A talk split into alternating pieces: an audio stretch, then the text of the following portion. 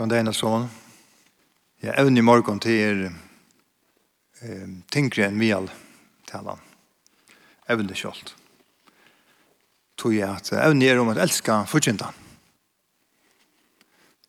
Og til gjerne på og i kjætta brateknen hva Jesus taler og så sier han mengt og hva godt og så inn i middelen så sier han elske fudgjendar tikkara. Luften har haft kærleika som tema i hest. Det er du kanskje lagt mest til. Og, og i den skulle så ta oss om møyla at han troblast av kærleikan i finst. Kærleikan til fudgjendan. Og man kan nesten hoksa at her spør årene til det passer ikke sammen i samme setning. Kærleikje og og fortjent. Det, det er nesten som å presse vatten og olje og sammen. Man kan trysta vel og lunsje og passe ikke å la sammen. Så det føles det. Halli er selv fistene de hikker etter røst. Du sier ganske, altså hever en gang fortjent. Og godt om så er. Jeg skal helst si at det er sommer som hever fortjent her. Det er så imest.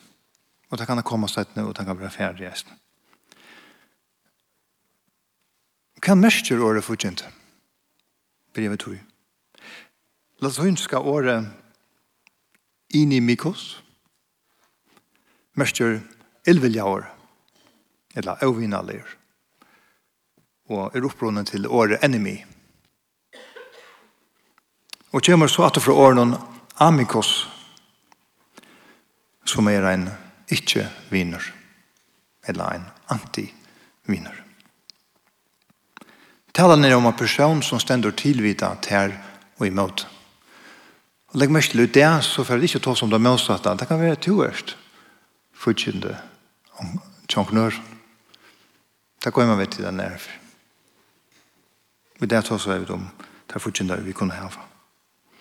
Og det kan være som enkor, som er fortjente, hvis du husker noen om. Det kan være en gammel klassefjelleie. Det kan være et starfolk som du arbeider sammen med. Det kan være noen som gjør seg en annen da du var baden, eller som vaksen. Det kan være noen i din familie, noen tatt på, hver hjert vi kommer fram ert, og vi kommer til å bli en fortjent av noen årsøk. La dere lese sammen til versene her Jesus sier i år, lesa sin raren og sin rattana. Kunne bare vise det på skjermen.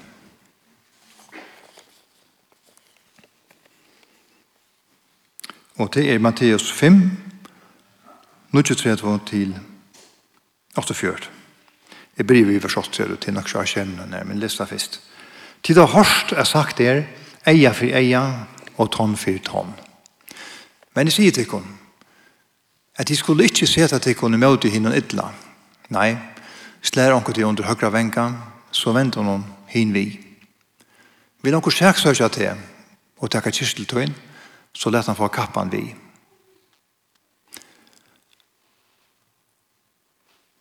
Og når anker til genga en mulvis her, så gakk tver vi honom. Gjev tog som bier til, og venda ikke fra tog som vi læna fra til her. Tid og hårsta sagt er, du skal elske nasta tøyen og heta forkynda tøyen. Men jeg sier til kun, elskje forkynda tikkara, sikne teg som banna tikkun, gjer dem godt som heta tikkun, og bygge fyrt heimun, og i hova tikkun, og søkje et tikkun. Her var det an, vi var svurfjørt. For de kunne være bøtt færstikkara som i himmelig er, til han lette sol sunne renna opp i vrønt og gå, og lette rekna i rettvis og aurattvus. Og Så om dit elskar teg som elskar tikkun, hver løn eia tid fyr teg. Gjer ikkje eisen tottlarner. Det samme. Ja, det er i vers 44, at Jesus strever disse bøyene, og mulig er det til alle troplast er skilja og liva at jeg er utføren og jeg er bøybla. Altså kan han sier, elskje jeg fortjent artikker. Men legg meg til, han sier det på fyra matar. Tog i beintat nå, så sier han, signe hei som banna ikon. Og så gjerne, gjer det heimann godt som heter ikon. Og så gjerne, og bi fyrt heimann, og i hava ikon, og søkja eit ikon. Rombrevet 12.20 hever samme tankar. Er de fortjende til svenkur, så gjev hon et eta. Er han tistor, så gjev hon et rekka. Du tar du gjørst hetta, sannar du gløande kål og høyt hans herre. 4 Thessalonik brev 5.15, hever eisen som og tankar, brev på en annan måte. Så ikke til at ikke lønne nøkron illt vi idlom. Nei, gjør det kun omerk, for alt vi gjør det som godt er, beie kvart med i øren og møte i ødlom. Legg mest til at her, jeg gjør det godt møte ødlom. Det kommer det til. Hetta vi at elska ånder enn seg sjølvan er ikke nekka som Jesus kom vi. Hvis vi leser i 3. Mosbok 9. 18 så stender det, Du måst ikke hevna til og ikke ha eg agg til nekran av følse tøyne. Nei, du skal elska nasta tøyne som til sjølvan. Men onkurs vegna og Jesu er døvun, så er jødska tradisjonen klar å koppa at det er helt og hødd. Så nu er det løft, det var nesten enn bå, etter du kunne heta fortjenda tøyen. Vers 34 som vi la i Janne, det sier jo, tid og horsa sagt er, du skal elska nasta tøyen og heta fortjenda tøyen. Det stender omkast hans. Og Jesus han rattar det, Men på akkurat måte så, så gjør det synder rett, det er ikke det. Synder rymelig og rettvist. Hette vi eia for eia og tonn for tonn. Ikke akkurat rettvist og gjerne.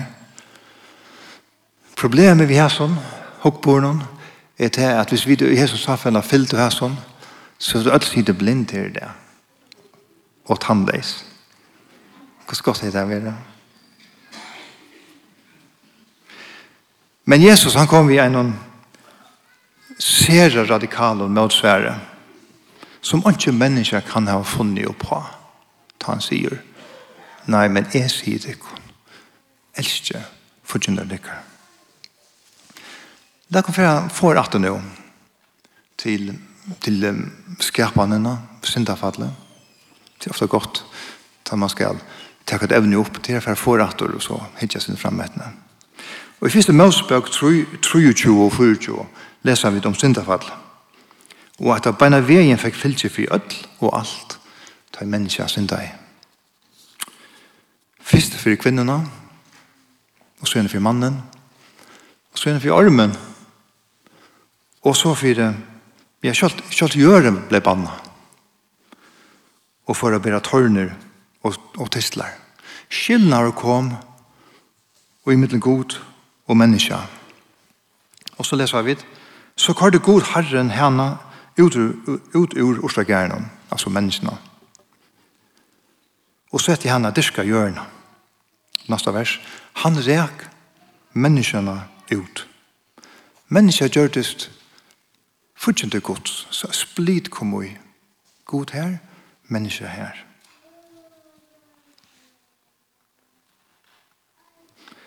Rombrava kapitel 5, vers 20 sier at det på samme måte. Vi var öll fortjentare gods. Det er okkar utgangsstøy. Vi var öll fortjentare gods. Men, vi kan komme til et størst men. Fyrir Johannes brev kapitel 4, vers 4, vers 8 og vers 16, sida samme. Her spør versen. Det definerer god ved en år. Hvis vi skulle definere god ved en år, hva er det så til året? Vet du hva? Kærleik. God er kærlighet, stender det. Og vi kjenner alt det kjentest av verset i Bibelen aller helst, Johannes, er, eh, Johannes evangeliet 3.16. Du er så høyt elsker i god heimen at han gav sånn sin einbørna kjennet, for hvert han og tror han ikke skal fortapes, men her er et liv. Her sagt er god elskar heimen, til å si han elskar öll menneske. Öll menneske. Det er ønsken som er for, for lengt ute, for farligere, for sjukur, for skrubbelleiser, eller for okst anna for, for, for, til at Gud ikke elskar vi kommand totalt. Og i Rambran 12, 21 leser vi, det vil vi byen om, er vinna hit idla vi gåon.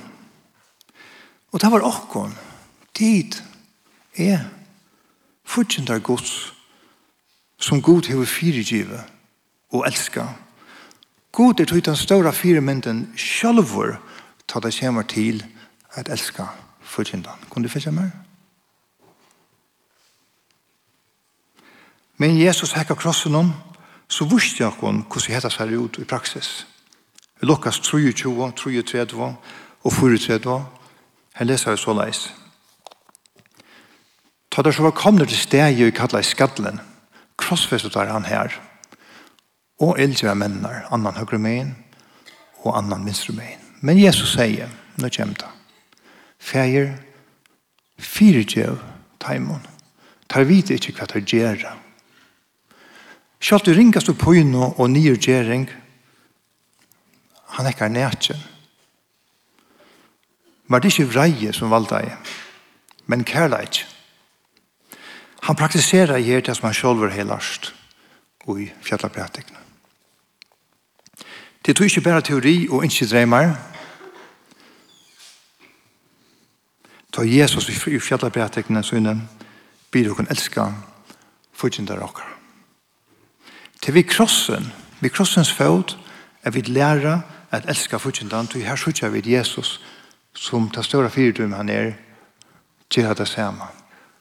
God elskar Jesus, synder fortjentene. Jesus elskar Jesus, synder fortjentene. Det er herifra hessen tanken spretter at elska sin fudgjenta. Men hva mest er det så ta døven? Prøv imynda der til størst her. Hendan talan er det fjattapettingan, så det må være en fjattljongstans i Israel. Norra leves nok. Først til at du stender her og lurer nu. Og Jesus sier i årene om å elska fortjentan. I rakk vi at det skulle nok komme onkur, onkur personer inne til høyt. Men det som er helt sikkert, det som helt sikkert kom inn i høyt og ødlån, det var det videre herset av det romerske herlige, voldelige, morderiske rujtjennom som er ivis hos jokken her pant. Rom var i ødleførende fortjende tja ødlån vi stod her på en, og hermenner ombående i Hermon som var her rabbent. Det er som å spørre omkring Ukraina og i Ester Ukraina og i Maripol til lømmes. Er det noen fortjent Vet du hva den fortjent er? Ja, sjølvant. Russar. Altså, det vil jo flekta spørsmålet. Sjølvant er han fortjent her.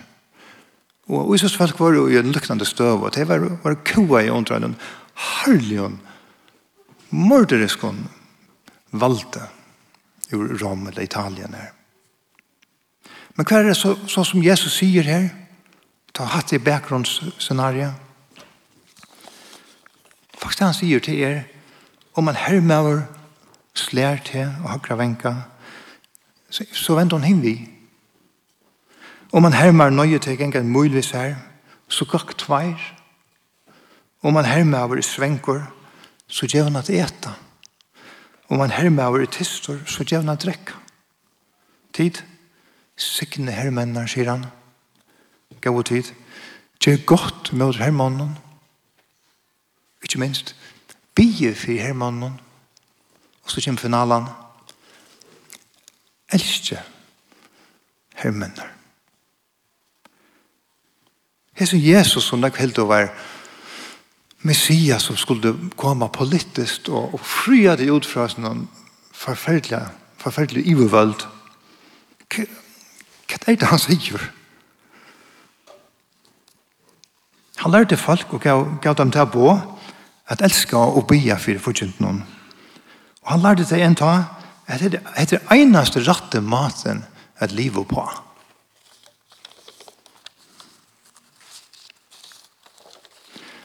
om man vil fylse hånden. Jeg vet ikke om det er mest til, vers 45, altså vil også vers 44, det sier eldste fortjent av tikkere og alt det, vers 45, beint omtår, her sier han, fire, hetta fire at de kunne være bøtten færgstikkere som i himmelig er. Han sier dette som, han linker det sammen, og gjør at han har treit fire at være bøtten færgstikkere som i himmelig sitter. Jeg vil elske dere fortjent der. Det er ikke man visst. Men, men hvordan er så høsten kærleikken? Kærleikken, kærleikken, kærleikken. Ja, men altså, hva betyr det? Hva er det her? kan lese noen vers på sjur kærleiks kapitlen i 4 og 13. Her er noen vers som definerer vel hva kærleikken er. Kærleikken, han er lengt med å Han er mildur. Han ber ikke øvund. Han reibar ikke.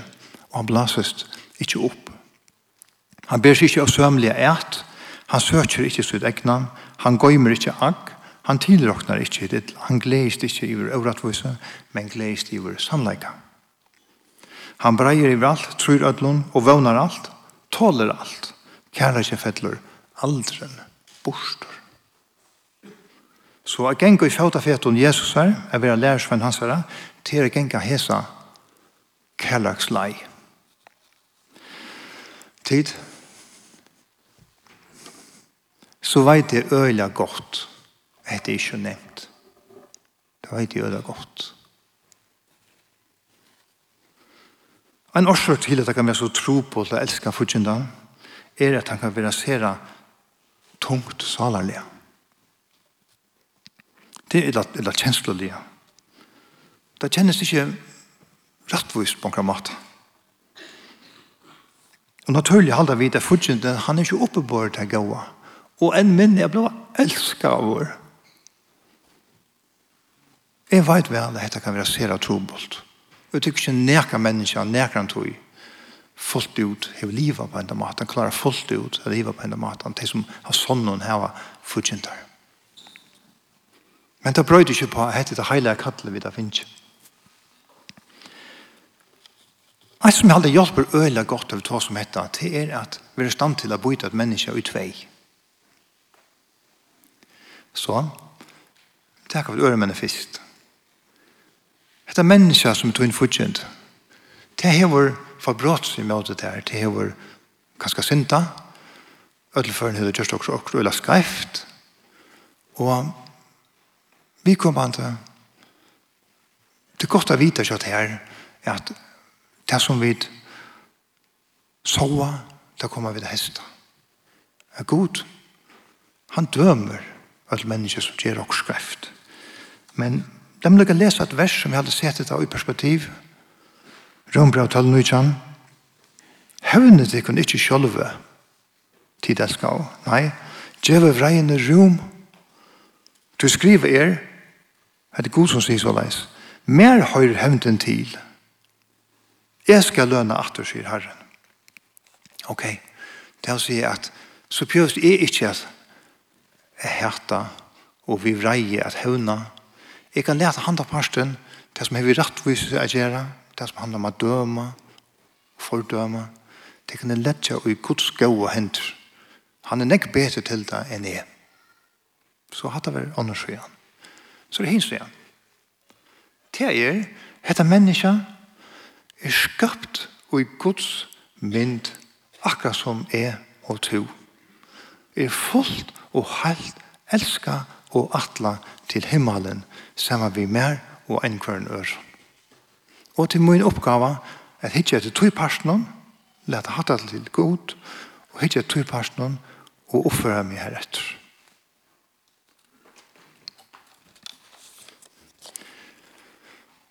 Kan du prøve å vise seg myndene på her? Det kjenner nok luttla katekismus som er Martin Luther skriver i dag, og til brukte kristne undervisning i fargen i fyrre eller fyrre, jeg vet ikke om man bruker det langt. Og katekismus, det betyr bare spurningar og svær. Og lytte katekismus var spurningar og svær til noen basalt ting i kristne trønn. Men lytte katekismus er inspireret ur en ære en større større katekismus, som bare er katekismus, som er en tjukkbøk, som hever sånne paragrafer, vi spurning kunne svær om praktisk se at vi skifter man kan huske seg i hessen liv. Og men den her, nummer 2843, atterlige i katekismus, hon vet ikke det her, det som evne i det, på en praktisk mat. Og det som stender her, det er, det er ikke latt for døylet, det er ikke nevnt å skilje og sluka beina veien, og jeg sitter vi som viker, faktisk maner. måneder. Hoks om det her. Jeg får prøve å lese det spekler for dere. Det kan ta det spekler. Til ikke akkurat makt, ikke å føle eller gløyme om onker gjør okken overratt. Men hjertet som offrer seg til hele andan, venter gjørda overratten til samkjensla og renser minne ved å ombrøyde pøynene til forbøn.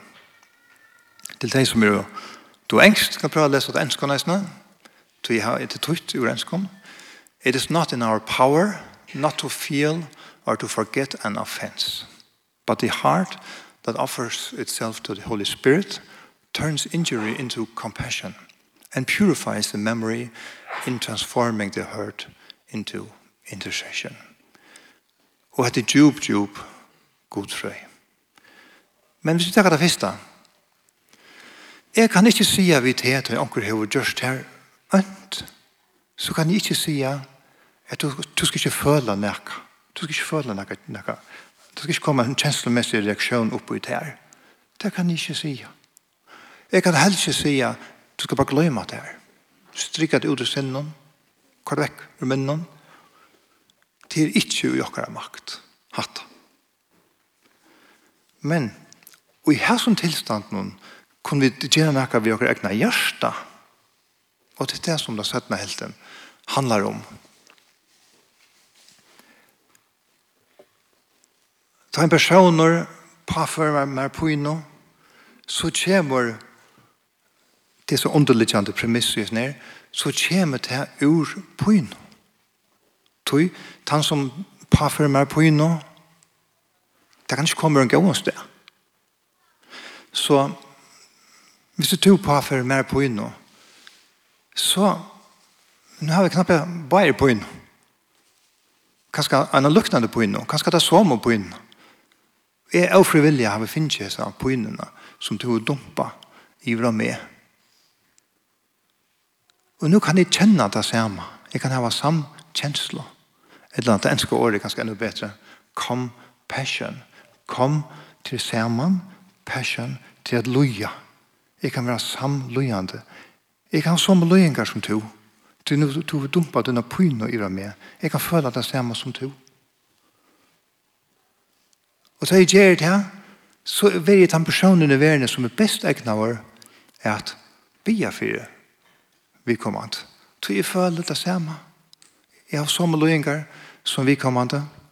Jeg vil særlig vel egnet vår som fire firebjere for vi kommer kommand. Det er ikke noe som jeg finner på, eller som onker andre funnet på at i tøyene.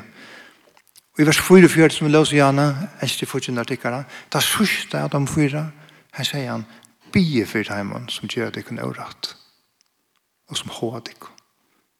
At det kommer bare fra Jesus, at det er en områdende pastor av tøy at elsker fortjent av søgn, er man bier for fortjent av søgnen. Altså, tar vi elsker fortjentan, så kunne vi, hvis vi sier at vi har som brillene, få en samkjenslo, compassion, vi vi kommand. Tui, vi føler godt nok overfrivilja, så må på inn som vi kommand. Og da ser jeg kunne i en særlig posisjon er at bia for vi kommand. Det minne som sitter etter, det kan være rensa, til fokus for flott til at, å ja, så kan jeg bia en særlig hatt for vi kommand. Jeg bjørnsen er til Vil jeg legge mot ego og akkurat altar er gjøre hetta? Vil jeg hetta? Vil jeg bjøre meg fram og hente han hatt at elska at så har et menneske er fullt og heilt eller sier nei takk. Hatta, nei nei, hatt for negv. Hatta velje fra. Det er ikke en brøyding som skal hente. Jeg kan ikke være hjertet hjertekirurgur som er selv om det er to som er så tingene. Det er en forvandling som skal hente. Som bare hele anden kan gjøre. Jeg kan ikke produsere han den kærleggen som vi snakker om selv. Det er noe som hele anden tek seg av. Og at elsker fortjentene er en så særlig på at det kan jo ikke være menneskeversk. Og du kan hette nesten ja som utopi. Men Hette er kattle vi da finnes. Hvordan er jeg det minne? Vi det begynner med å gjøre som ferien gjør det. Han som elsker i okken. Vi som var fortjent han sier, han elsker i okken først. Sendte Jesus ned i hjørnet og gjør det akkurat det samme. Han visste okken det i praksis. Vi det kallet jeg Jeg gjør det akkurat som Gud gjør det, og som Jesus gjør det. La meg så si eit. Hette jeg var kanskje veldig tungt. Og øyla, ah, det er bare halvt som mennesker som klarer hetta. Det er så et så ikke for meg aktot. Men tid, hette er nekka så godt. Hette er så godt. Hette er så sera godt og endelig godt. Til at elska öll mennesker, eisne futsindan, det er mest til at du heter ångan. Det er mest til at du ikke vreier enn nekran. Det er et godt sted at være. Det er et frifullt sted at være. Hva vil ikke yngse er vi leiser av reie og hætre som etter en opp tjøkna lengt liv? Noen vers som stod det her som fantastisk er Matteus 11 og 8-7. Tid, kom her til møyen, all tid du strevast og hava tungt av bæra. Jeg skal gjøre deg om kvil. Det er ikke åk mot at jeg kunne lære av mer til er spekfører og eimjoker av hjertet. Så skulle de finne salen til hver kvile til åk mot gaglet og bira mun. Ja, hon er løtt.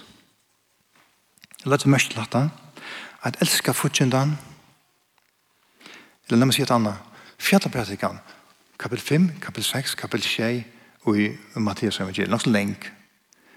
Og her framme, kapitel 5 og 6, her lærer vi at at elska på denne maten her. Vers 6, kapitel 6. Her lærer vi det fire djeva.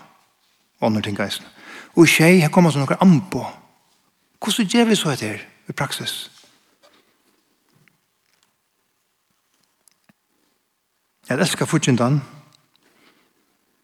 er jeg døme om og slutt åk som vi leser om i og Janne. Jeg så byrene. Og legg mest til at dette åkje det er gagnlett og latt.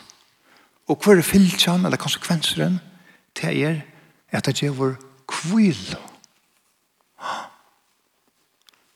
Jeg skal gjøre til kun sen du vers 80, vers 90, så skulle de finne salen til kvile. Kvile. Hvor ønsker jeg ikke det? Hetta slægi av kærleika til knyttet viljanon, om så kjenslene er uysakaldar eller brennande heitar. Det er noe som er størskere enn heitar og kalda kjensler. Og det er viljen som vi alle finner. Om vi virkelig ikke at elska, men føler vi do ikke, orsker ikke, ta vi kunne, ta kunne vi teka lyften i kapitel 6 i det sørste kapitlet her i, i fjallabæting til okken. Bare lese noen vers 4. Og så kjetta som ampo vi da finner til hvordan vi i praksis kunne elske som han som jeg akkurat tås om, og fyrt ja, og alt som her løyer. Matteus 6, 6, 11. Bie, så skal tikkun være giv. Leite, så skal de finne. Bent jo på, så skal tikkun være lett jo opp. Du kvart han er bier, fær. Han er leitar, finner. Han er benkar opp på, hon skal være lett jo opp. Eller kvart han med og tikkar middelen som djever kines hun stein, ta en bir han om brei, eller gjev han en orm, ta en bir om fisk. Vita no tid som önd er at gjeva bøtten tikkara gaua gaver. Hvordan mykje meira skal ta ikke feir tikkara som himmelig er, gjeva taimon gaua gaver som bia han. Så, hetta vi, som han sier her, a bia, a leita og benko på. Hetta legger alt opp til det samme, er vi avhaldande færa til god, og be han til åkken hessar gode gaver. Det er ikke ringa gaver, det er gode gaver. At elska som han elskar, fyrtjøver som han, som han fyrtjøver, og, og alt hitt inn i middelneisene.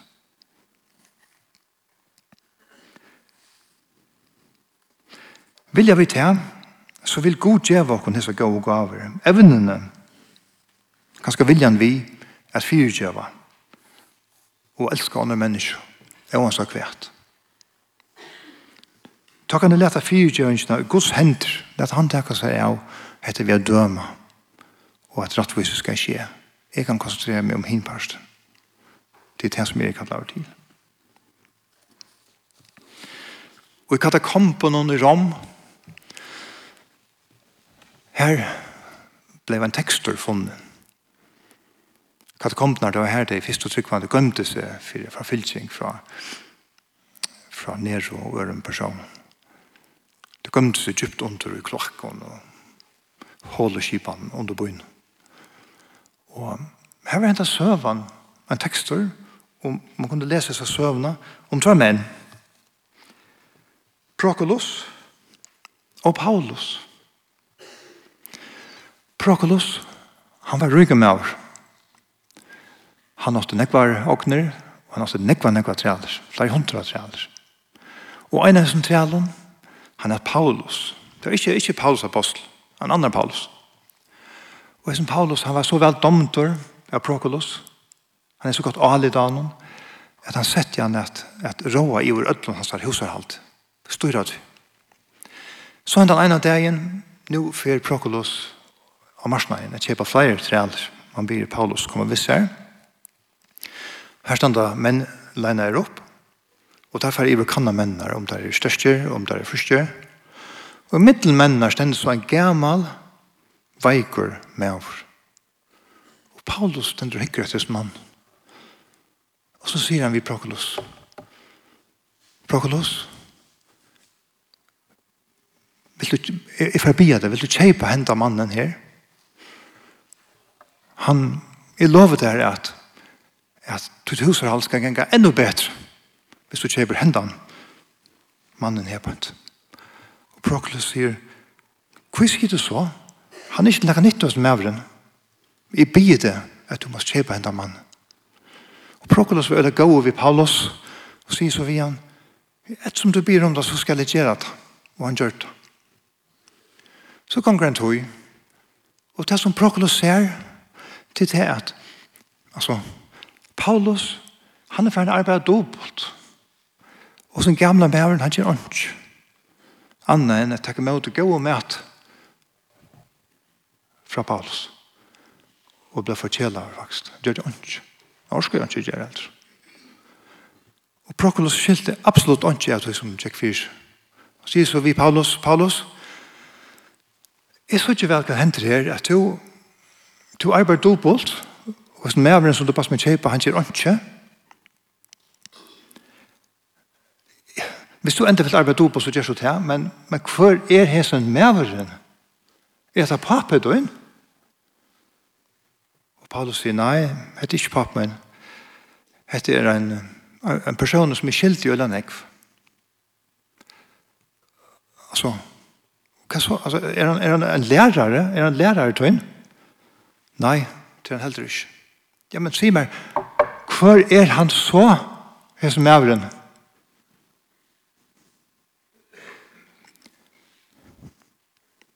til fudgjende møyne.